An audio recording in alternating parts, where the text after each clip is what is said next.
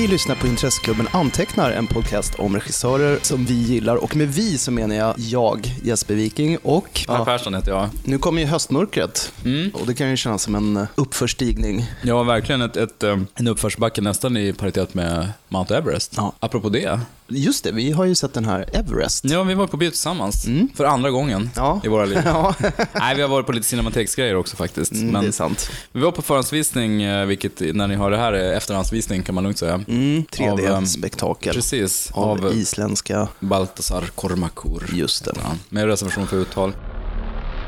You, my friends, are following in the very footsteps of history. Something beyond the power of words to describe.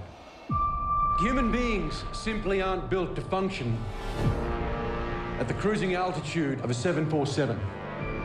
Our bodies will be literally dying. Everest is another beast altogether. How you doing? I'm back. Doug Hanson. What do you do when you're not climbing, Doug? I deliver the mail. First mailman on Everest? Hope so. I like that. Sit down, man. Climatize. How's the weather? It's good. I wish I was with you. One day, you, me, and that little Sarah will all go climbing together. So today's the day, huh? Vad tyckte vi om den? Eftersom vi alltid har samma. Jag tyckte den var ganska spännande. Adekvat. Den var adekvat, exakt. Där kommer ju faktiskt 3D till sin rätt på något sätt. Även om det i vanlig ordning blir lite för mörkt i många scener. Men den var ju uppfriskande osentimental. Mm, ja, men det tror jag var en filmens stora styrka. Grejen är att det kunde ha varit mer 3D egentligen. De kunde krämat på med mer effekter. För väldigt stor del av filmen är närbild på två personer som pratar med varandra mellan basläget och toppen och sådär. Så väldigt icke 3D, icke-filmiska grejer. Men det är ju based on a story då. De hade kunnat läsa på mer med hisnande vyer och så. Men det var ju Nej, den var spännande. inte så spekulativ.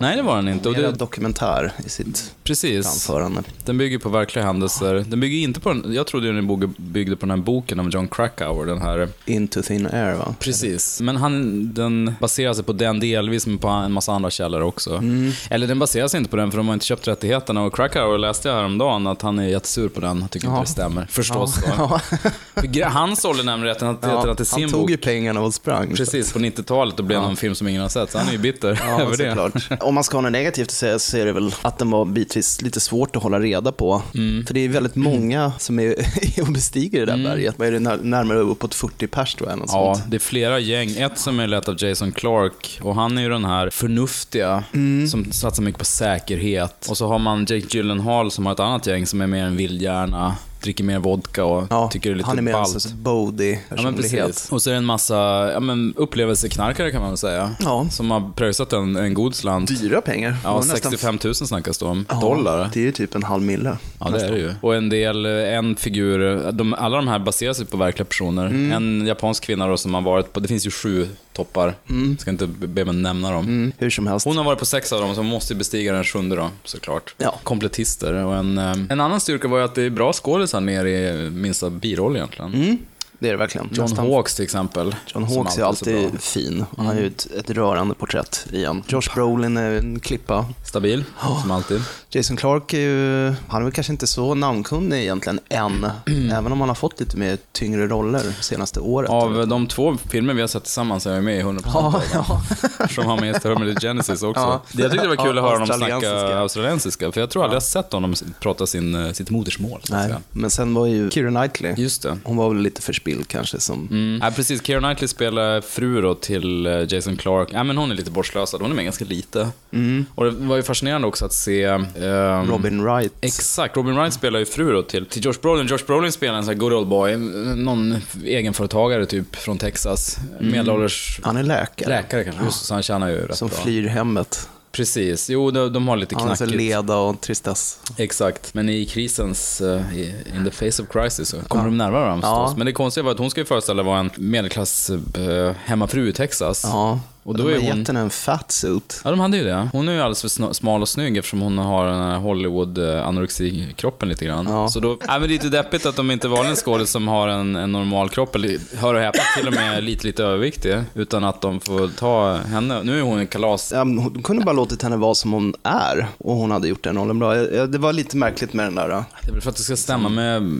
Fast samtidigt, hans fru i verkligheten har säkert inte haft något emot att spelas av Robin Wright Penn. Eller Robin Wright heter. Nej, det är alltid roligt också efteråt i sådana här påstått eh, biografiska filmer när man får se de riktiga personerna precis. på foton och hur mycket det skiljer sig åt. Det var inte många rätt. Nej. De var, alla var snyggare i filmen. Konstigt nog. Fattar inte hur det var. Men eh, absolut sevärd. Ja, men som jag. du sa tidigare, jag tyck, det bästa med den tyckte jag var också att det, det är inga eh, enkla, hero, den är inte så heroisk. Eller Nej, verkligen sentimental. inte. Den är ganska osentimental. Ja, folk är inte så ädla. Nej, precis. heller. Och sen, även om det var ju ett par obligatoriska såna här sista farväl-scener, så var de ju, de kunde ju ha mjölkat det, det sentimentala mycket mer. Så, äh, men fan, den får väl ett hyfsat Ja, betyg tycker jag. Det är värt att se. På bio då. Jo, jag ska nog inte se den i precis. hemmasoffan, det känns lite Nej. tveksamt. Om man har riggat hemmabio och kör en på Blu-ray, kanske. Ja, och ha 3D-TV. Ja, det är många kriterier som ska uppfyllas där. Nej, men det, är nog värt att se på bio. Just den liksom monetära insatsen kanske den inte är värd. Investera Nej, exakt. 50 000 i ett home entertainment system. Vad snackar man om? Killer app. Det här är den killer app som kommer få alla att köpa köpa hemmabio. 3D Ja, exakt. Äntligen kom den. Detta om detta. Ja, Du, i eh, afton höll jag på att säga, men eh, vi befinner oss i, i någon sorts tidsneutral zon. Ja. Så ska vi prata om den i dagsläget kanske mest relevanta regissören som heter Coppola. Hon kommer ju från en stor filmfamilj, Mm. kan man ju lugnt säga. Vi snackar om Sofia Coppola. Ja, Och det är henne vi ska diskutera eh, idag, Mm. och hennes filmer. Hon har ju än så länge ganska hanterbar övre på fem filmer. Mm. Ja, den sjätte kommer ju nu. Någon julspecialare på Netflix med Bill Murray en massa Just det. kändisar. Ja. Kan bli vad som helst. Kan bli det ser väl kul. de flesta fram emot. Ja, det ska bli jag tror. härligt. Du, vad har vi på Sofia? Jag har en ganska torftig anteckning här. Ja, men läs dem. Hon är född 1971. Härligt år. Dök upp lite titt som tätt i sin fars filmer som skådis. Mm. Hon är väl kanske historiskt felkastad som eh, Corleones dotter i Gudfadern 3. Ja, hon fick ju så otroligt mycket skit för det. Och det är mitt, mitt första... Lite oförtjänt. Ja, absolut. Ja, men det tror jag är det första mötet, om man ska säga, med Sofia Coppola var att man läste om henne att hon var så jävla dålig i Gudfadern 3. Men i efterhand känns det ju absurt. Dels att skylla en, ett filmsfiasko på en skådis. Hon har ju inte så stor roll heller. Och sen, det känns ju väldigt taskigt. Hon är ju inte skådis heller. Nej, hon är en syndabock. Ja, det känns absurt att hon ska bära en slags hundhuvud för det. det Alltså var det ju... säger någonting om hur starkt kritiserade de blev eftersom det här var ju innan internet Jo. och ändå så lever det kvar. Mm. Som, och nu hjälper vi till att upprätthålla det. såklart. Precis. Tjej, fortsätter shamea henne. Nej, men jag tror nästan det Nu är hon nog eh, mer känd som regissören bakom Lost in translation. Det tror jag absolut tro. är nog eh, Det är en mest gammal rest. Hon är ju också en av ytterst få kvinnor som har blivit Oscars-nominerade för bästa regissör. Mm. Det var typ Lina Wertmüller och Jane Campion innan henne. Ja. Och sen blev det ju eh, Bigelow då, som även vann. Mm. Och henne kan man lyssna om i en tidigare podd som vi har gjort. Det kan man göra. Som eh, ni gärna får ladda ner. Och hon debuterade ju med The Virgin Suicides Mm. som kom 1999. Baserad på en roman av Ja, men av... eh, det var samma som skrev den här boken om uh, Middlesex. Jeffrey Eugenides. Just det. Eugene... Eugen, jag inte, vet inte hur det uttalas. Eugenides. Eugenides. all to understand those five girls who, after all these years, we can't get out of our minds.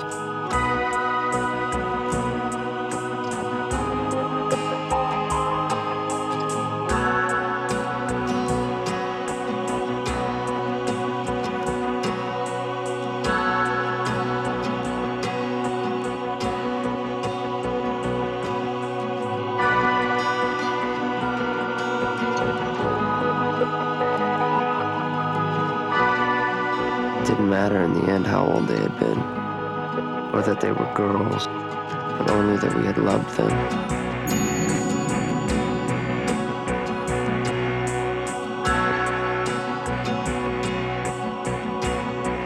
Ja, precis. Bygger på en roman då. Ja. Det är en otroligt säker debut, måste man ju säga. Han var 28 år när han gjorde det. Inte superung alltså, men jag är alltid impad över när Ja. folk som är yngre än mig gör så bra grejer. Nej, men det känns som att hon gör det med väldigt eh, säker hand, den här filmen också. Jag har inte läst boken, så jag kan inte riktigt jämföra. Nej, den Men ska han ju vara sagt- ganska hängiven bok. Jo, men precis. Han har väl sagt det, Jeffrey, att den var väldigt trogen. Eftersom svenska Wikipedia konsekvent vägrar att leverera så läser vi istället en summering från filmtipset.se. En i övrigt förträfflig sajt. Det är 70-tal i en prydlig amerikansk förort. Historien om fem vackra självmordsbenägna tonårssystrar berättas genom några besatta grannpojkars ögon som i vuxen ålder fortfarande inte kan glömma det som hände, försöker förstå det obegripliga. Det är som en saga om de guldlockiga flickorna som blir inlåsta av den elaka modern och väntar på att bli räddade av modiga prinsar. Eller ett mytiskt drama där självmord får symbolisera det ofrånkomliga slutet på tonårstidens värld av längtan, lust och förlust. Den första kärlekens vånda och rus, avskyvärda föräldrar och en oförglömlig känsla av att leva. Härligt. Tack filmtipset för analysen. Ja, det gjorde Kan ni vi gå vidare oss. till eh, Ja, då vi nästa, nästa film. film? Ja. Om den skriver filmtipset att... Visst, Ja, så bra. kan man ju se det. Absolut. De här äh, systrarna är ju äh, objekt för pubertal manlig åtrå. Jo men precis, de funkar som någon slags projektionsyta för alla deras drömmar och fantasier om vad, vad kvinnlighet är eller vad tjejer är. Ja. Och vad, vad kärlekslivet och sex, vad det är för någonting. Mm. Ja, de är nästan som produkter. Mm. Alla så fantasier de har om de här systrarna så springer de på så här fält i, Mm. i nytvättade klänningar. Och Som en Timotej-reklam Ja, exakt. 70-talet och Ja, 80-talet. precis. Ju- skildrar kanske mer tillstånd än en handling. Den bygger mer på stämningar Mm. Ja. och ikoniska bilder. Exakt, den är väldigt ödesmättad redan från början så, så får man ju höra då att de kommer att ta livet av sig allihopa i, i princip. Här föds ju en stjärna i eh, Kirsten Dunst, Otroligt rollen bra. som Lux. Jo, men hon är den som glänser mest. Alla fem är ju jättebra. Apropå tillstånd, jag tycker hon, eh, hon lyckas fånga både i bild och ljud och spel den här otroligt liksom dåsiga förortslivet, Ja, suburbia-livet på 70-talet. Både med det är jättesnyggt foto av han Edward Lackman som jobbar mycket med Todd Haynes. Fotot är ju jätte, jättesnyggt verkligen. Mm. Eftermiddagsdåsiga. ja. Plus att nästan hon som har ju... ett flor mellan kameran Ja men exakt, det känns ju så. motiv. Väldigt bra soundtrack också. Hon slog ju an tron, för det kommer vi återkomma till hur, vilken fingertoppskänsla hon har när det gäller att välja Musik, låtar till sina ja. soundtracks. Må, låtar precis. Och när jag tänker tillbaks på, jag såg om den nu inför snacket, jag minns det ju som att Airs då specialskrivna soundtrack var mm. väldigt dominerande och låg på, men det är ju ganska, det är inte så mycket Air Nej. egentligen. Det är många så här cheesy 70-tals Mm. hits. Det är mer sånt egentligen. Ja. Däremot så... Saccharinartade ballader. Helt, Stilly eh, Dan och ELO och Styx och Ja. Todd Rundgren och Ja, precis. Todd Rundgren. Ja. Nej, men det är ju verkligen eh, välvalda låtar och det här soundtracket är ju svinbra. Bra sätt att vara kvar i filmens drömska stämning är ju att ha på det. Jag har, lyssnat, jag har ju lyssnat på det jättemycket, fast länge sedan då, Mm. i samband med att filmen kom. Nej, men sen var det ju kul att se skådespelaren Michael Perret dyker ju upp. Ja, just det. Vår gamla elefant i rummet. Ja. från Streets of Fire. Exakt. Och han, det är ju intressant för filmens form är ju egentligen att det här återberättas och i, delvis i form av intervjuer. Han sitter i någon slags intervjusituation och blir... Ja, det är de här grannpojkarna som i vuxen ålder har ägnat ja, sina liv åt att försöka rekonstruera varför de här flickorna egentligen begick självmord. Precis. Så de har samlat mementos och Mm. eh, analyserat och intervjuar gamla klasskamrater. Och varav Michael Perret är då den vuxna versionen av Josh Hartnett. Josh Hartnett. Ja. Jag hade glömt bort att han var med. Ja, Han, är, han är perfekt i den här filmen. verkligen. Det var så roligt att se honom. Mm, han är skolans coola och sympatiska kille. Mm. Jo, men det var, det var uppfriskande att se skolans mest populära kille som kan få vilken tjej han vill, som inte är ett as Nej, också. inte en utan- douchebag. Utan Precis. eh, sen ska man ju också ge en eloge till Kathleen Turner och James Wood som Ja. eh, de här systrarnas föräldrar. För de är ju båda två väldigt starka personlighetsmässiga skådisar. De är väldigt återhållsamma i sina roller. De är ju spelar ett sånt kristet, ganska moralkristet par som lägger många förbud Ja, på sina barn. De är hårt hållna de här barnen. Ja. Framförallt Kathleen Turner som mamman är ju, har ju en massa påbud om vad de har på sig för kläder och när, Ja. de, när de är grounded och när de ska vara hemma och så vidare. Ja, men det blir den här märkliga logiken som uppstår då också. Att det är okej att barnen är i husarrest semipermanent, ligger helt apatiska på sitt rum i nattsärkar hela dagen. Men att de skulle lyssna på Kiss, det är liksom skadligt för Precis. barnen. Samtidigt så tycker jag ändå inte att eh, Coppola demoniserar de här föräldrarna. Nej, Utan de framstår ju som ganska sympatiska människor ändå. Ja, men på något vis gör han det. Och James Woods är ju någonstans en lite passiv, uh, hunsad man också. Han går ju aldrig... Mattelärare. Ja, men precis. Mattelärare med, med glasögon och slips och går aldrig i clinch med sin fru. Nej. Eh, utan han flyr kanske ner till källaren när han håller på med Flygplansmodeller. Precis. De framställs inte som någon så här Selma lilla Fridolf-par heller, utan det är en ganska fint skildrat. Ja. Som, precis som du säger, och båda spelar ju ganska nedtonat också. Särskilt James Wood, som, han kan ju verkligen dra på med massivt överspel. Ja, han kan ju krävs. Men här är han fantastiskt bra. Rörande, Mm. bitvis. Det är väl någon sekvens där när de ska ha en sån här hemmafest nere Mm. i gillestugan. Han försöker desperat få sina barns klasskamrater att intressera sig för hans flygplanskonstruktions... Precis. De står och lyssnar artigt. Tills det kommer en till kille. Då, då flyr de andra snabbt, så blir han kvar. Så, ah, men du kan berätta för dig. Så. Stackarn. En sak som kan vara värd att notera är att den skiljer sig lite från hennes senare filmer. Att det finns ju den här, äh, vad ska man säga, liksom Instagram-poetiska estetiken. Att man så filmar ett lövverk underifrån eller äh, en studie av hur en solstråle faller på ett fönsterbläck. Sånt som Terrence Malick har gjort någon sorts konstform av. Och även hennes privata sfär, Spike Jonze och Gondry och alla de här. Det finns någon sorts hipster Hon fick det ur sig där kanske i första filmen. Mm. Sen var hon klar med det, vilket vi tackar för. Men man tar Her, som jag i och för sig tyckte var bra, så det är hur många scener som helst med, känns det som i alla fall, med motljus och, och lövverk och... Alltså, Så här, sitta på hustak i Ja. gryningen och... Precis. Lost in translation som vi strax ska snacka om har ju också väldigt många snygga bilder, men det känns som varje bild ändå berättar någonting för handlingen framåt, säger någonting om figurerna. Medan i, i Har, nu ska inte den vara någon slags syndabock kanske, men det är mer lite slött att man tycker det är skitsnyggt och så slänger man in det. Ja. Till någon cool låt med explosions in the sky och så blir det väldigt mycket instagram Ja, jo, faktor precis. över det hela. Jag tyckte inte om Her, men Nej, äh, just det. Du hatar den. hata är ett starkt uttryck. Ja, jag älskade den. Nej, det gjorde jag inte, men... eh, Nej, men alltså jag tycker Joaquin Phoenix var jättebra och, och den, är ju, den är ju som sagt snygg då, även om den är lite sökt snygg. Men det, det var det här att eh, det var ju som 30 plus människor som pratade om kärlek som de vore 13. Även det känns så debilt på något sätt. Sen gick det ju ett antal år. Det dröjde fyra år innan hon breakade stort med Lost in translation som kom 2003 då. Just det. Och blev Oscars-nominerad, fick fyra nomineringar. Bill Murray för bästa manliga huvudroll, så fick den både för regi, film och manus. Just det. Hon fick för originalmanus. Exakt.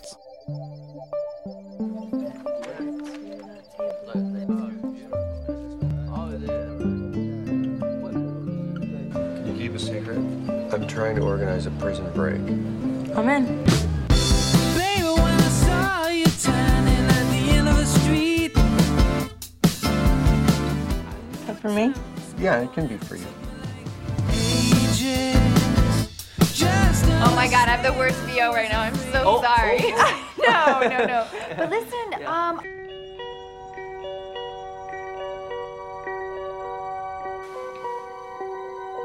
Does it get easier? No. Yes. It gets easier. Ja, det var hon väl värd. Ja, verkligen. Ska vi dra handlingen? Ja, Eh, har, har Wikipedia något att berätta? Lost in translation är ett existentiellt kärleksdrama med handlingen förlagd till Tokyo. Tror jag kan säga handlingen i en mening, eller fem meningar.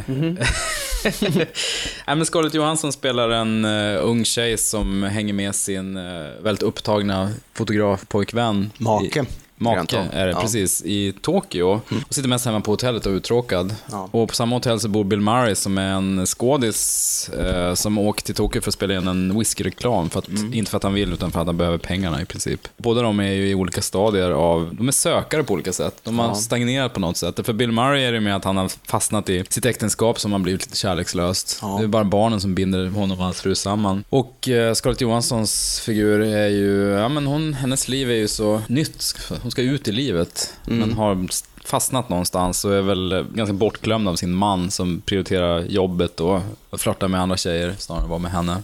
Och så finner de varandra. I det att de båda är eh, ensamma och Ja. lost då. Det är ju en ganska Hon har tydlig... delat utanförskap. Precis. Som alla redan vet så syftar ju titeln Lost in translation både på de här kulturkrockarna mellan amerikanerna och japanerna. Och, och att de eh, är lite lost i sina egna liv samtidigt. Mm. Skulle man kunna säga att det är som en, en romcom av Antonioni? Det är ju en sorts romantisk komedi, men det är samtidigt också en skildring av den här bildade medelklassens leda. Jo, precis. Det var ju någon som skrev om en av hennes senare senare filmer att nu är det en till film om en rik person som Ja, ja. Så varför ska jag bry mig om det här? Ja, det börjar bli svårare och svårare att bry sig liksom. Mm. Två förmögna vita människor med balla yrken som har det gott ställt och bor på lyxhotell men som ändå känner existentiell ennui. Men det, det gör man ju. Jag tänkte lite på en prinsessa på vift. Lite samma upplägg. Roman Holiday, Ja. just det. Det såg jag bara här om året första gången. Yngre kvinna och en äldre man som finner varandra i en främmande kultur. Främlingar i ett främmande land. Bra jämförelse. Utbyte av varandra. Båda de är liksom fast i en värld av bullshit också. Ja. Som de vill komma loss från. Alltså det känns ju som att de flyr USA lika mycket. För det här hotellet, där finns ju USA med Mm. den här hemska Hollywood-skådisen som Anna Faris Precis. spelar med, med bravur. Ja, hon är Som kalas. är där och gör reklam för sin nya film Midnight Velocity. Just det. Ett lysande namn på en sån här risig Keanu Reeves-thriller. Ja, det är perfekt. Ja, men hela den här hotellbars-estetiken och den här rödhåriga kvinnan som sjunger Mm. eh, evergreens på ett jävligt övertydligt sätt och hela den här liksom fake-kulturen Ja, som precis. USA representerar. Förment äkta känslor. Mm. Lana Faris snackar ju liksom om astrologi och yoga och sådär, men hon är ju Ja. otroligt ytlig. Hur Hon hennes far var anorexiker. Stort personligt trauma. Så de är båda på jakt efter någon form av äkthet och Ja. Ja, det är ju en sorts affär de har, men den är ju väldigt kysk. Ja, och det tror jag är för att ett skäl till att filmen är så bra också. Ja. Att så många gillar den. Att de eh, hoppar inte säng med varandra, utan det är mer att de är själsfränder. Som jag har förstått att den här um, självupptagna karriäristfotografen som Scarletts rollfigur är gift med, bär ju många likheter med Spike Jonze. Mm. Ja, det sägs ju att det Fast nu är vi inne på skvaller, eh, ska vi lämna därhän? oss verkligen ja. för. Jo, men då sägs det också att Anna Faris rollfigur ska vara baserad på Cameron Diaz. Ja, just det. Kanske hade en affär då under inspelningen av I huvudet på John Malkovich. Att det är det hon Att, eh, bearbetar. Gianni Ribisi är ju perfekt i, Ja. som den här fotografen. Jättebra. Jo, men han är ju berättarröst i eh, Virgin Suicide Just det, också. det ska vi nämna. Ja. Så han har gjort två härliga insatser i Sofia Coppolas CV. Scarlett Johansson var ju 19 när hon gjorde den här. Nej, det är en fantastisk genombrottsroll. Hon Mm. känns ju otroligt säker. Men det är ju framförallt Bill Murrays film. Det här är ju egentligen brottsligt att han ännu inte har fått någon sorts Oscar-nod. Mm, det är konstigt. För här bygger han ju vidare på Rushmore. Mm. Han också spelar en sån här, en man som har resignerat till att vara deppad. Mm. Jo, han har livet. funnit sig i det, Ja. den rollen i livet. Mm, de är ju jätte, jättebra tillsammans. Ja, hon har ju sagt, eh, Coppola, att hon skrev filmen för Bill Murray. Det märker man ju. Ja, Sen har den ju fått lite kritik för såna här äh, övertydliga kulturkrockscener. Den äh, gör sig lustig över japansk kultur och sådär. Den här talkshow. jo, precis. Ja, det är helt hysteriskt. Men samtidigt, äh, sådana där shower finns ju på japansk tv. Så att, äh, Det gör ju det. och det är inte som att amerikaner framställs särskilt positivt i filmen heller. Är det här rasistiskt? Men jag tyckte inte att det var det. Säger jag då som vit. Ja, vi som har Vi som tolkningsföreträde. har tolkningsföreträde kan slå fast att det var inte rasistisk och därmed behöver ingen ha den åsikten. Jag tycker precis, de här kulturkrocksskämten i och för sig, Bill Murray kommer med lite så här sarkastiska kommentarer för att roa henne, som japanerna inte förstår. Mm. Nej. Men precis som du sa, jag tycker skämten är ofta på deras bekostnad också. Ja, och det är inte absolut. bara så haha, titta, vilka löjliga asiater, utan jag tycker snarare att den japanska kulturen framställs som något coolt också. Ja, gud ja. Något åtråvärt. Mm. Och hela den här partyscenen när det verkligen, när de kommer nära varandra, när de är ute och sjunger karaoke, hela den sekvensen är fantastisk. Det känns ju som en, en kärleksförklaring till hela den japanska pop populärkulturen. Jo, men absolut. I filmens första halvan, då, är, då befinner de sig mest på det här hotellet, internationella, Mm. generiska lyxhotellet. Och det är ju nästan som ett fängelse. De, hon sitter ju bara där och stirrar ut genom fönstret. Fängelse för rika. Ja, och han eh, simmar runt i någon pool helt Går själv. mellan och, spat och hotellbaren Ja, exakt. och är en, ensam. Men sen i, när, de, när de träffas och börjar umgås, då får man ju upptäcka Tokyo på ett annat sätt. Det är ju Mm. verkligen en levande stad. De är ute och springer på gatorna och hänger med eh, bekanta till henne, som jag uppfattar det. Ja, men precis. För hon hade ju ändå ett rätt stort kontaktnät där. Tokyo. Visar runt dem i... På de coola barerna. På de rätta barerna. Och sen också att de, de faktiskt inte sökte tillstånd, utan de bara tog med sig kameran och smygfilmade överallt. gjorde det. Ja, jag läste det. Och det ger det ger ju filmen en otrolig nerv. Mm, det gör det. Det känns som att man bara hänger med på den här långa, långa festnatten. Precis. Det är förföriskt. Ja, otroligt bra. Apropå den här karaoke-scenen när de sjunger, Bill Murray sjunger ju till... eh, Ja, More than words. More than words heter det va? Brian Ferry. Ja, det är en eh, instant classic. Ja men det är ju det. Det här var ju filmen hon verkligen befäste sin otroliga känsla för lägga rätt poplåt vid rätt Mm. ögonblick. Och, och berätta med poplåtar och bilder. Det finns ju många regissörer som bemästrar det, men vi snackade tidigare om att bland annat Scorsese, Paul Thomas Anderson och Tarantino är väldigt bra på att slänga in poplåtar. Men hon är ju en av dem. Fantastiska musikval. Jag tror det är därför jag gillar filmen så mycket när den kom också 2003, för det är ju liksom My Bloody Valentine och Jesus and Mary Chain och sådana här gamla indie-idoler. Ja. Den här Too Young med Phoenix som fortfarande är en av de tio bästa låtar jag vet. Jag tycker den är så Ja. fantastisk låt. ja, ja. Det är den som nästan inleder den här partajkvällen. Mm. Och som den som läser skvaller vet är ju... ja, det är inte skvaller. Hon är ju gift med Thomas Mars då, Ja, sångaren i Phoenix. Just det. De blev väl ihop när de gjorde den här. Jag tror de det. jobbade på det här soundtracket. Tror det var så. Ja, Hänt i veckan. Verkligen. Jättefin skildring av det här mötet mellan de här två personerna Mm. som är ja, vägskälsvilse. Han har fått atrofi på något sätt Ja, det var som du sa, han har, fun, han har funnits i den här rollen, i den här ensamheten ja. och bara le, Och hon lever vet inte riktigt vad hon ska göra av sitt liv än. Så de befinner sig i olika stadier, men de har ändå samma problem. Hur går jag vidare? Kan Mm. jag gå vidare? Det är kul, Ja. för de har ju bara känt varandra någon vecka, men båda vet precis smärtpunkten och Ja. trycker till där. Ja. Ja. men det var som du sa tidigare, det är ju en bedrift att man inte tänker att, jaha, här har vi en 55-årig man och en tonårstjej. Det borde vara gubbsjukt till max, utan det är, det är klart att det finns en attraktion mellan dem, vilket Bill Murray också problematiserar. Han förstår ju att det, här, det är kanske inte lämpligt att, nej, han är gift dessutom. Ja. Men just att man ändå känner att det är två vilsna själar som möts. Mm. Andligt möte. Precis. Jättefint foto också, Ja. ska man säga, av Lance Acord. Ja, precis. Som har fotat de flesta av Spike Jonze filmer också. Ja, precis. Han är fantastisk. Nej, en, en pärla, en körsbärsblomma skulle jag säga att den här filmen Fint sagt. är. Mm. Bra. Tre år senare, då gjorde hon Marie Antoinette. Ja, och återförenades med Kirsten Dunst, Ja. som fick huvudrollen, återigen då. Friendship between Austria and France must be cemented by marriage. My youngest daughter, Antoine, will be Queen of France. It is a custom that the bride retain nothing belonging to a foreign court. You represent the future. All eyes will be on you. She looks like a child.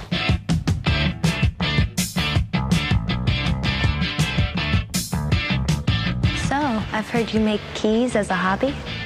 Yes. It'd be interesting to see how long she lasts. What on earth is going on with that young couple? It's a disaster. This is ridiculous. This, madame, is Versailles.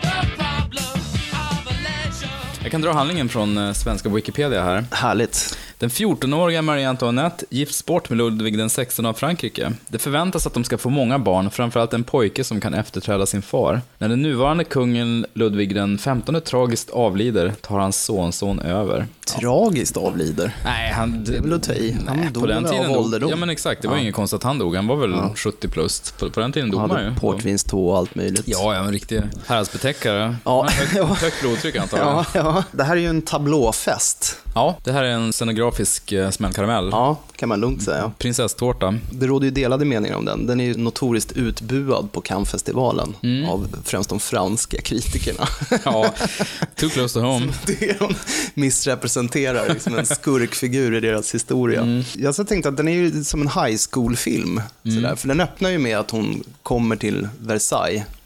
Hon är ju från Österrike Mm. och utsätts då för en helt ny kultur. Mm. Och eh, alla runt omkring henne är grupperade i små klickar av Mm. bitchighet. Ja. Den känns väldigt mycket som high school-rulle Precis. faktiskt. Jo, men- jo, Hon men det gäller för henne att platsa i något av de här gängen också. Ja. Och det blir en sån här fish out of water-komedi. Ja, hon är när- lite som Lindsay i Mean Girls. Ja, det stämmer faktiskt. På något sätt. Hon forslas då från Österrike. Hon, precis vid gränsen då mellan Österrike och Frankrike så går hon in i någon sorts sån här karantänzon Mm. där hon ska avklä sig allt som har med hennes forna liv att göra. Precis. Och iklä sig i rollen då som kronprinsessa av eh, Frankrike. Får inte ens behålla sin lilla hund. Nej. Och hon utsätts för de här helt absurda reglerna. Ja. Som att hon ska klä av sig offentligt inför ett uppbåd av 20-30 pers. Och att det finns... Den som är högst eh, rank i rummet är den som ska ha äran och ta på Ja, det henne. finns en jättebisarr, jätterolig scen där. Det kommer in nya hela tiden som först ska annonseras då. Nu kommer den här kontesten. Ja, då är det hon som ska, då går någon annan tillbaks och så så nu får hon ta på en handske. Och så får hon Mm. stå där och frysa näck så här Ja. tio minuter. Jag slogs eh, flera gånger av hur välorkestrerad eh,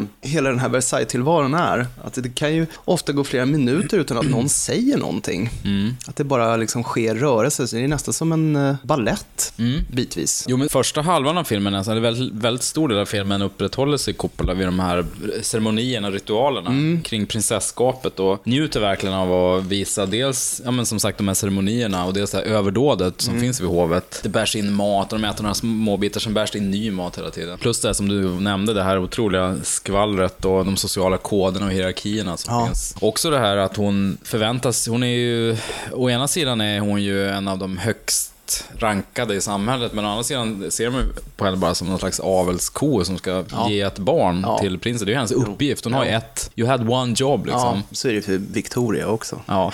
Det är, mycket har ju inte hänt. Men Nej, eh. Kirsten Dunst gör ju toppenjobb. Framförallt i början av filmen, där innan hon liksom sjunker in i den här ledan Mm. och apatin nästan, som kommer med, med det här extrema lyxlivet. Hon ser ju väldigt roat förvånad ut över det mesta Mm. som händer i det här hovet, innan det liksom blir en självklarhet till slut. Mm. Under den akklimatiseringsfasen så empatiserar man ju med henne ganska Mm. mycket. Sen så lever ju hon och hennes make då, eh, som också är väldigt välspelad av Jason Schwartzman, som bara går runt och ser konstant förbryllad ut. jo, precis. Hur fan hamnar vi här? Ja, de är ju helt isolerade från omvärlden. Varken de eller vi får någon sorts direkt koppling till vad som händer i Frankrike rent Nej, de får ju lite sporadiska rapporter Ja. som säkert är filtrerade. Alltså, de, de sitter med rådgivare som tycker olika saker. Ja, de olika fokuserar mest på varianter. Utrikespolitiken. Jo, men de förväntas ta så här, tunga politiska beslut samtidigt som det uppundras att de lever det här, som du sa, isolerade livet där de egentligen bara utför ritualer och jagar och käkar godis. Schwartzman säger väl till och med när han blir krönt då, vi är för unga för att regera. säger han. Och Mm. just det, det. det stämmer ju. kan man ju dra en koppling till kändiskulturens inverkan på oerfarna människor. Det är många som har kraschat och brunnit. Ja, men apropå på Mean Girl som du jämförde med, så har vi ju Lindsay Lohan som är ju nästan är paradexempel på det. Ja. De som får väldigt högt, mycket fokus. Men det var jättefint det du sa just att, och Kirsten Dunst spelar det väldigt fint, att Mm. i början är vi ju med henne när hon utsätts för de här bisarra händelserna. ja. Hon är en vanlig tjej så att säga, Ja. även om hon är royalty då. Ja, men lite mer rustik eh, Ja men royalty. precis, hon tycker lite fjompigt med ritualen.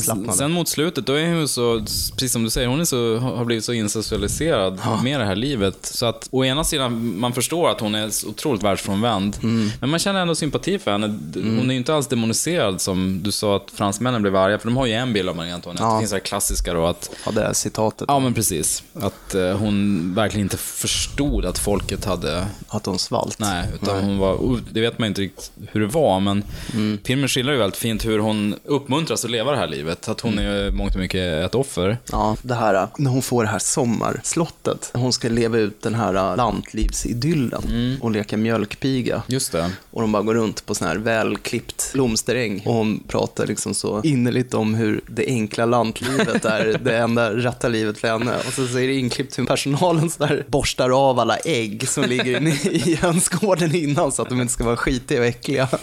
Lever av jorden. Välkammade små lammungar de kan gosa med. Allting är preppat. Alltså om det finns någon linjär handling i filmen så är det väl just den här pressen hon hade på sig att avla. Precis. Det antyds ju i alla fall att det är just prinsen då som fumlar. Det är så kul när Danny Houston, som spelar väl Kirsten Dunst... Storebror, va? Just det, hon, han har det här snacket med Jason Schwartzman. Att, för Schwartzman är så intresserad av lås. Ja.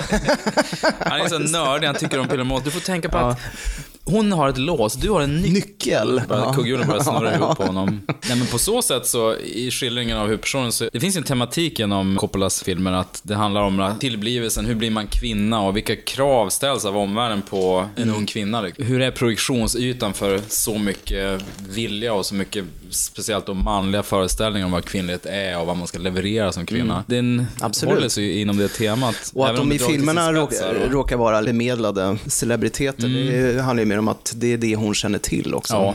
Många fina skådisinsatser här. Steve Coogan dyker upp som eh, ganska ömsint rådgivare åt henne. Mm. Också väldigt nedtonad roll för honom. Ja, han är jättebra. Han plockar ju inga enkla komiska poäng, Nej. utan han, han är väldigt bra. Kort nämna bara att jag såg en sån här making of som ingick på DVDn och Steve Coogan hade ett citat där han säger om Marie Antoinette att she was the first victim of bad PR. Ja, Bra så här. ja jo, Hon fick, så hon kan fick man ju se PR det. helt enkelt. Ja, absolut. Om man ska omsätta det liksom moderna termer. Ja. Det är ju det hon gör också. Ja, och så Rip Torn såklart som bra han är. Nu är han kanske mest känd som chefen i Men in Black-filmerna. Ja, det är väl så. Jag kommer ihåg honom från den här bisarra rollen Från i... Dodgeball. Dodgeball, just det. Aim for the balls. Men även hans roll i den här The Man Who Fell to Earth, David Ja, Bowie-filmen. ja, exakt. Jo, men han är ju en uh, gammal bad boy. Ja. Han är ju liksom någon sorts Jack Nicholson som aldrig blev av. Mm. Ja, det stämmer ju. Det geniala är att kasta honom som ganska pilsk kung och sen mm. Aisha Argento då, Ja, som hans älskarinna. Hans sköka i hovet. Ja, precis. Som aldrig blir accepterad. Nej, men hon är ju så här personen non grata i hovet, men de kan ändå inte isolera henne eftersom hon är, har kungens gunst. Ja. Tills han dör, då, då är det ju kört för henne. Ja, måste hon då dra. Försvinner hon ut köksingången. Precis. Ja, jag tycker det är så roligt att det är just uh, Asia Argento som, uh, apropå hennes Ja, CV väl- i övrigt och hennes Ja. fars filmer, att hon, Ja. så här, hon blir inte riktigt insläppt i finrummet. Nej, det känns som rätt casting. Hon har ju verkligen så här tra- trashig aura. Ja, nej men eh, som du också som hastigast var inne på, det är ju en väldigt anakronistisk film. Mm. Det har han ju också blivit uppmärksammad för. Ja. Att hon har, återigen har ett kurerat soundtrack som är bitvis väldigt otidsenligt. Ja. Personligen måste jag säga att alla filmsoundtrack som blandar ihop eh, Rameau eller Scarlatti med Bow Wow Wow är ju automatiskt bra. Ja, På något precis. sätt. Det är viss tyngdpunkt på brittisk eh, postpunk från 80-talet. Du har ju liksom Susie and the Banshee, Strokes, Gang of Four, Adam and the Ants, Ja. eh, Cure då. Så blandat med nytt då. Aphex Twin och så har du lite Air och så har du Radio Department och Square Pusher. Mm. Och så Jävlar. barockens giganter då såklart, Ja. som Vivaldi. Och... Jag minns, det kändes hisnande när ett gäng människor med prinsen i spetsen i, i full 1700-talsmundering är ute på rävjakt och så är det, ligger Cure på soundtracket. Ja. Eller New Order. Ja. Det blir mäktigt. Ja. Och det var Det mäktigt fint. fortfarande när jag såg om den nu för, för några veckor sedan. Dels prickar ju mycket av min egen musiksmak och jag, jag minns ju hur coolt jag tyckte det var när Radio Department, som är en av mina favoritgrupper då, dyker upp i tre scener.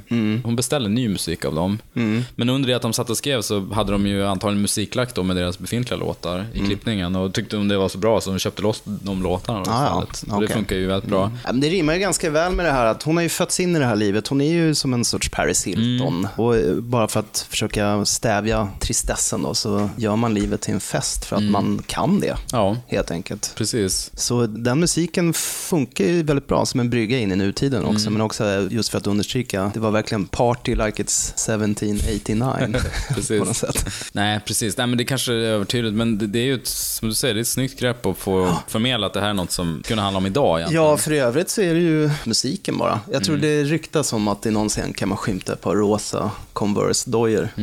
Men i övrigt så ser man ju inga oegentligheter. Mm. Det är väldigt snyggt gjort och väldigt, det känns väldigt väl researchat över hur det såg ut på hovet på den tiden. Mm. Absolut. Ja, men det är en väldigt eh, sensuell film. Bakelse. Mm. Ja. En macaron. Sannerligen. Vi kan ju nämna avslutningsvis att nu när jag såg om den var det kul att se två skådespelare som var helt ok- eller hyfsat okända då. Dels har du Jamie Dornan då som spelar Axel von Fersen.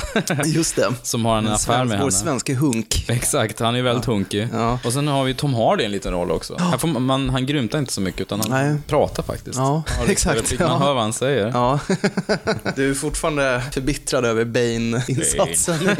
Ja, men Mad Max förlåter ju allt. Så att det är lugnt. Nej, men en smarrig film. Jag- Absolut, se om den. Ja, absolut. Den håller fortfarande en jättebra film. Ja, det är glest mellan filmerna. Ja. Fyra år senare, då gjorde hon Somewhere. Mm. Kanske den minst sedda av hennes filmer. Jag skulle tro det. Ja. Den är Den fann ingen publik lätt- riktigt. nästan bortglömd. Väldigt väl mottagen dock. Hi, Dad. Hey, Cleo. Ten decisions shape your life. You'll be aware of five about seven ways to go through school. I need you to take Cleo. You noticed all When you coming back? I don't know. seven ways to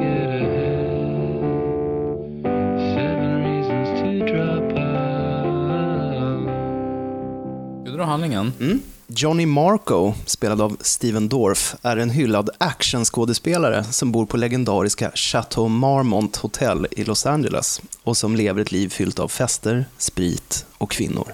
Samt tomhet. Livet förändras när Johnny tvingas ta hand om sin 11-åriga dotter Cleo, spelad av Elle Fanning. Mm. Det var ju ganska väl beskrivet och Ja. kortfattat. Har vi skrivit där?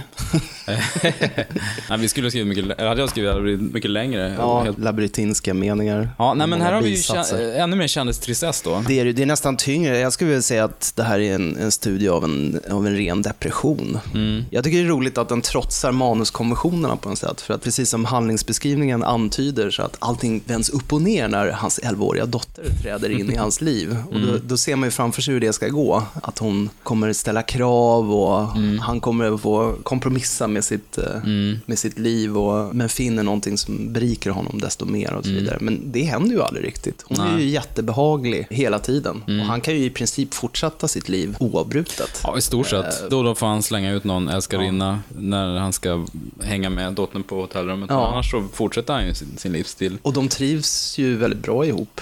Även om de inte har en sån här rik dialog. För de hänger ju med, han har ju någon sorts hangaround, någon gammal klasskompis som spelas av eh, Chris eh, Pontius. Chris Pontius, ja, Jackass, Wild Boys-killen. Och han och hans dotter har ju mycket bättre liksom, jargong. Mm. Jo, men det är som Pontius som får ta, ta det snacket. Ja. Medan eh, Steven Dorff spelar Wii, eller Guitar Hero spelar han Ja, i den scenen. precis. Medan Pontius sitter i soffan och snackar med dem, ritar tillsammans. Och de scenerna är magiska. Ja, de är jättefina. Otroligt fina. Både Pontius, han spelar ju den man tror han är. Han har den här laid back, sympatisk läcker Ja, personen. lite små sleazy. Ja, precis. Han är också, verkar ju vara nästan den enda länken som Steven Dorff har till sitt normala liv, så att säga. Annars, Han är ju bara omgiven av kvinnor som vill ligga med honom och servicepersonal egentligen. Ja, och PR-människor som fjäskar för honom. Hans karriär har tagit över hans liv helt. Mm. Han har liksom inget eget liv längre.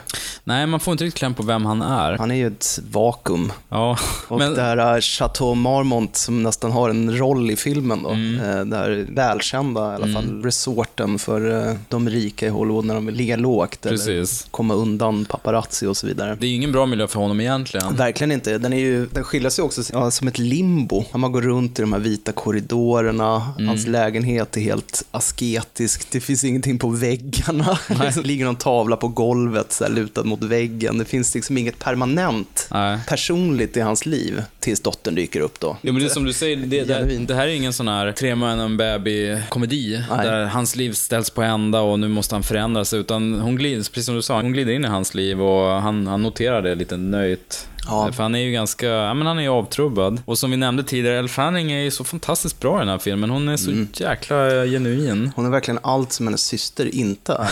Jag tror jag gillade nog Dakota Fanning. Hon känns ju som... Hon är bra på ett annat sätt. Ja, mer så här på det här proffsiga barnskådissättet. Ja, här är hon kalasbra. Och det kan ju vara Sofias regi också, att hon har Ja, det kan fått henne att känna sig väldigt liksom, bekväm. Bra handlag. Det finns ju några, mag- det är sådana här Wii-scenen som vi snackade om. Det finns några andra magiska scener. De beställer glass, eller går ner i foajén och käkar burgare. Ja. Så kommer någon gammal, gammal gubbe och drar en låt för honom också. Det är jo. jättefint. Ja, men det är vardagsintimt. Otroligt anspråkslöst och, och vardagsintimt. Härligt. Coppola har ju gjort sig ett rykte som en så lite distanserad filmskapare med ett tålmodigt berättaröga. Mm. Och det manifesteras ju jättetydligt i den här filmen tycker jag. Ja. Alltså, hon dröjer ju kvar ganska länge vid scener. Man blir ganska belönad också om man håller fokus, mm. uppmärksamhet på Men vad det, som utspelar det, sig. tar, det, det måste ju vara en av hennes filmer som kräver mest av betraktaren. Ja, framförallt i inledningen när man får se han köra runt i sin, ja vad är det han kör, en Lamborghini eller en Ferrari är det va? Mm. Runt, runt, runt i flera minuter och sen bara kliver ur och står, står Ja, men det- där. det- han, liksom. han bara står där så "Jaha, Ja, nu har jag ja, gjort det var här. det. Ja. Då ska jag gå och göra något annat. Nu ska jag kanske gå och ligga med någon tjej eller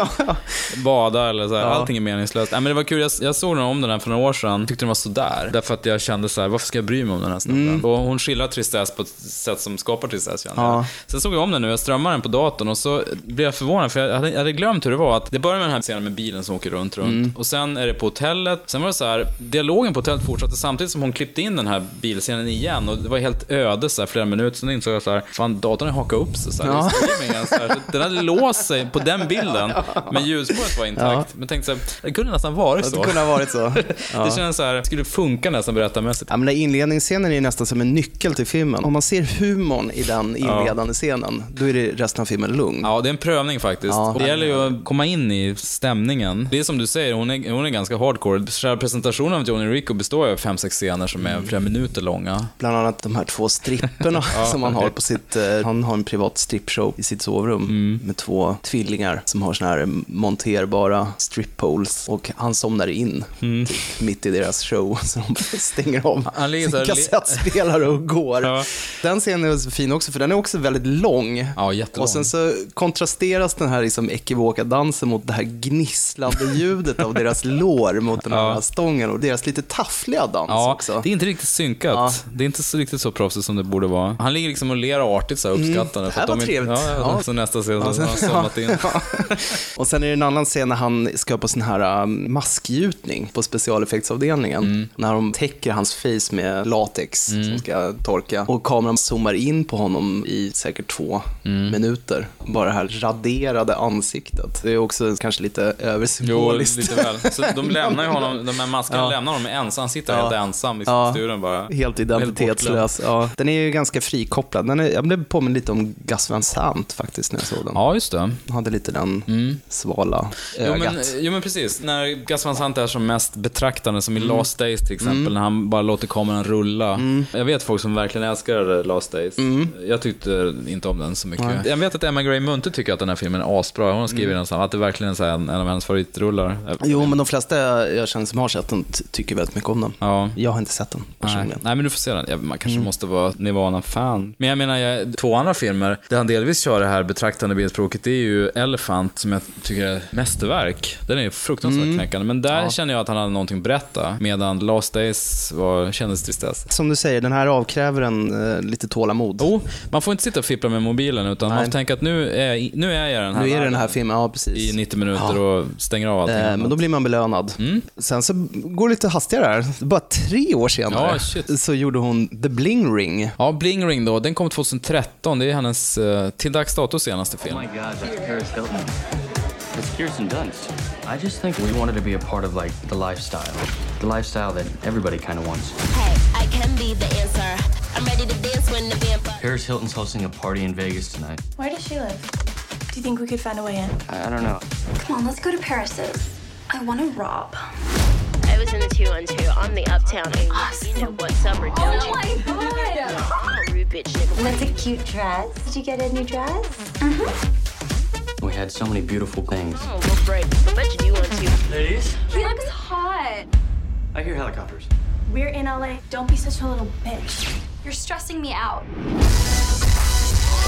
Oh my god, are they gone? Police are investigating the connection of the Hollywood Hills burglaries.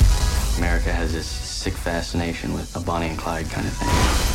It all comes back to like bad choices. Who you have as your friend. Can't take her dog. But he likes me. Filmen, som är baserad på verkliga händelser, handlar om en grupp tonåringar som är besatta av den glamorösa kändisvärlden och som begår en rad inbrott hos kända personer som Paris Hilton, Lindsay Lohan, Megan Fox, Rachel Bilson, Audrina Partridge och Orlando Bloom. Ja, det är ju det det handlar om. Ja, ja, det är inte så absolut. komplicerat. Det handlar ju verkligen om den här varumärkesgenerationen som har, Ja. man skapar sig ett lyckat liv via image snarare Mm. än prestation. Den är väldigt flyent berättad och soundtracket till den här filmen är ju kongenialt med filmen eftersom det är hits liksom. Ja. Hon går inte tillbaka och kör några gamla punklåtar utan det, det innebär att jag inte kan relatera Nej. till det. För det, är- det är inte indiepop från Ingen, 1994. ingen emotionell trigger på Det var, det, var inga, det var varken Ride eller Popsicle på soundtracket, så Nej. jag fattar ingenting. Nej, skitfilm. Ja, precis. De här um, kidsen som det handlar om är ju i mångt och mycket, ja men som du säger, offer för den här kändiskulturen. De värdena de har i livet, det är det de ser på TMZ och, och Paris Hilton och så. De vill leva kändislivet. Och eftersom Mm. de inte kan det så gör de det näst bästa. De liksom, som vampyrer suger de i sig det de kan genom att sno föremål. Det är nästan som någon slags voodoo-ritual, att man Mm. tar något som tillhör stjärnan. Och de är så väldigt öppna med det också. Ja, den utspelar sig i um, ja, bostadsområden som hör till nöjesindustrin. Alltså väldigt mycket film och tv-branschmänniskor. Mm. Men ingen av dem pratar om film eller tv. Nej. De pratar ju bara om kändisskapet. Precis. Som när de är ute och ser, åh titta där är Kirsten Dunst. De säger inte så här, åh hon är bra, Nej. utan hon är känd. Ja, men och precis. ser gammal ut. Ja, det är inte vad någon har gjort överhuvudtaget. Utan det är bara hur kända de är. Jo, nej, men filmen är verklighetsbaserad och det, det var verkligen ett gäng tonåringar i Kalifornien då som eh, rånade en massa kändisar. Bröt sig in i deras villor när de inte var hemma. De hittade nyckeln under dörrmattan och gick in. Ja.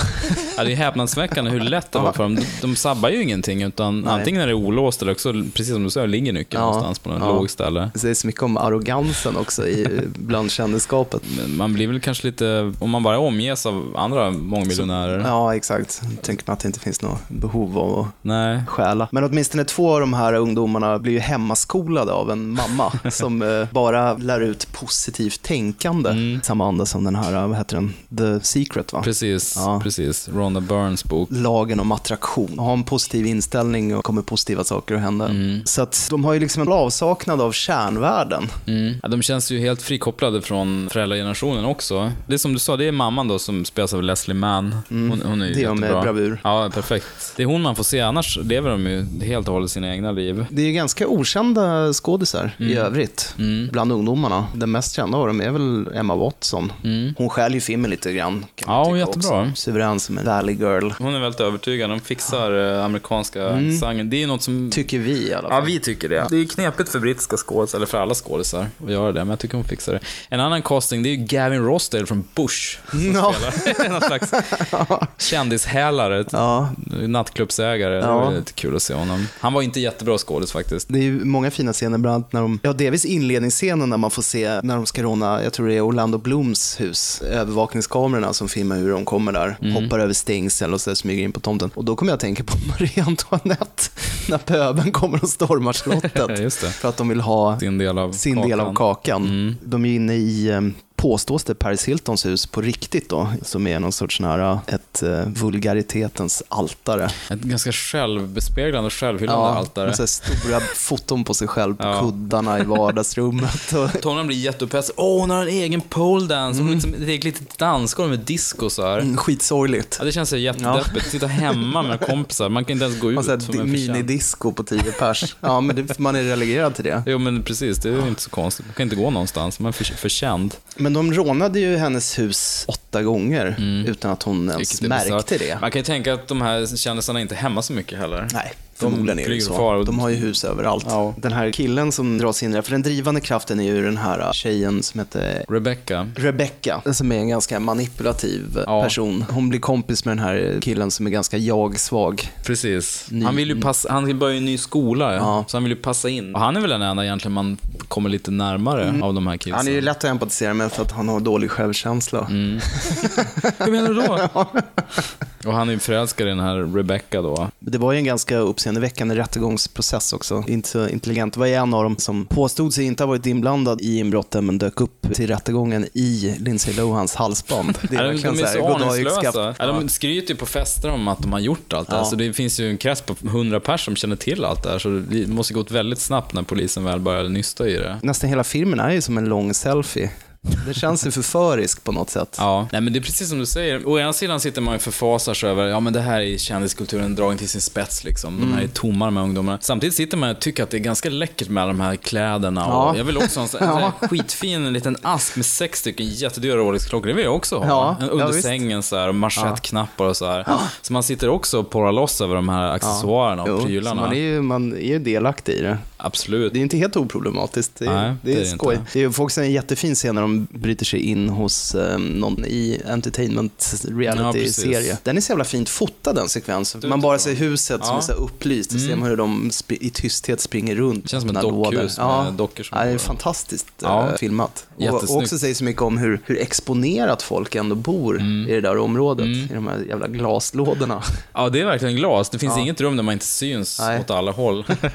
ja, där ligger kameran helt stilla i tre minuter eller någonting. Ja. Ja, den, den är jättesnygg den scenen. Ja, han är slående. De åker ju dit till slut. Mm. Jag tror det är Emma Watsons rollfigur som blir tv-intervjuad och pratar om det här som en berikande Mm. Hon har blivit eh, otroligt mediatränad, ja, man ska säga. upplevelse. och Och det här, jag har verkligen vuxit som Mm. människa och kommer satsa på att bli president i framtiden. Tanken svindlar.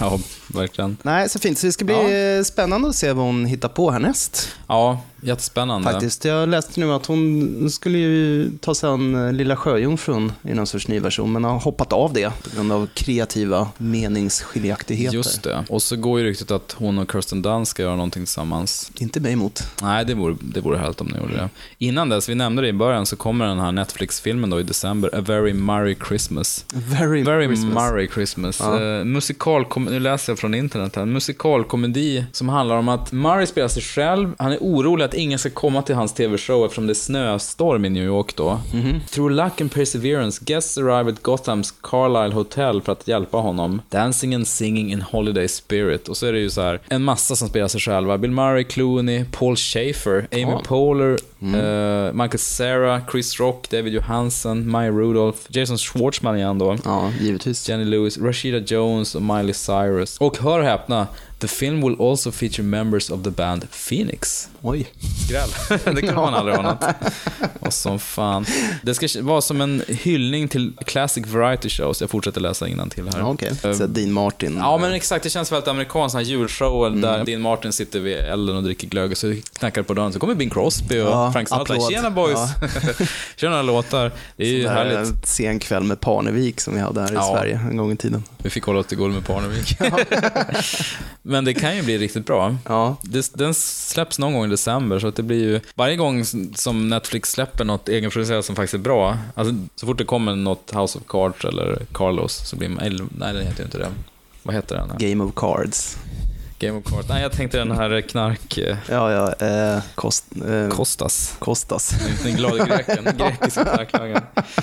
Narcos. Narcos heter det. Så fort det kommer något som gör det värt att ha den där, nej, den där skit i det. Ja. Det var någon helt värdelös rant, men det, nej, men det blir något att se fram emot. Ja, absolut. Härnäst ska vi lyckas få till en topp tre också på tema Sofia Coppola. Ja. Det blir intressant. Precis, vi återkommer. Det tar inte så lång tid den här gången. Nej. Vi har haft en, en lång break. Vi En- ett hiatus.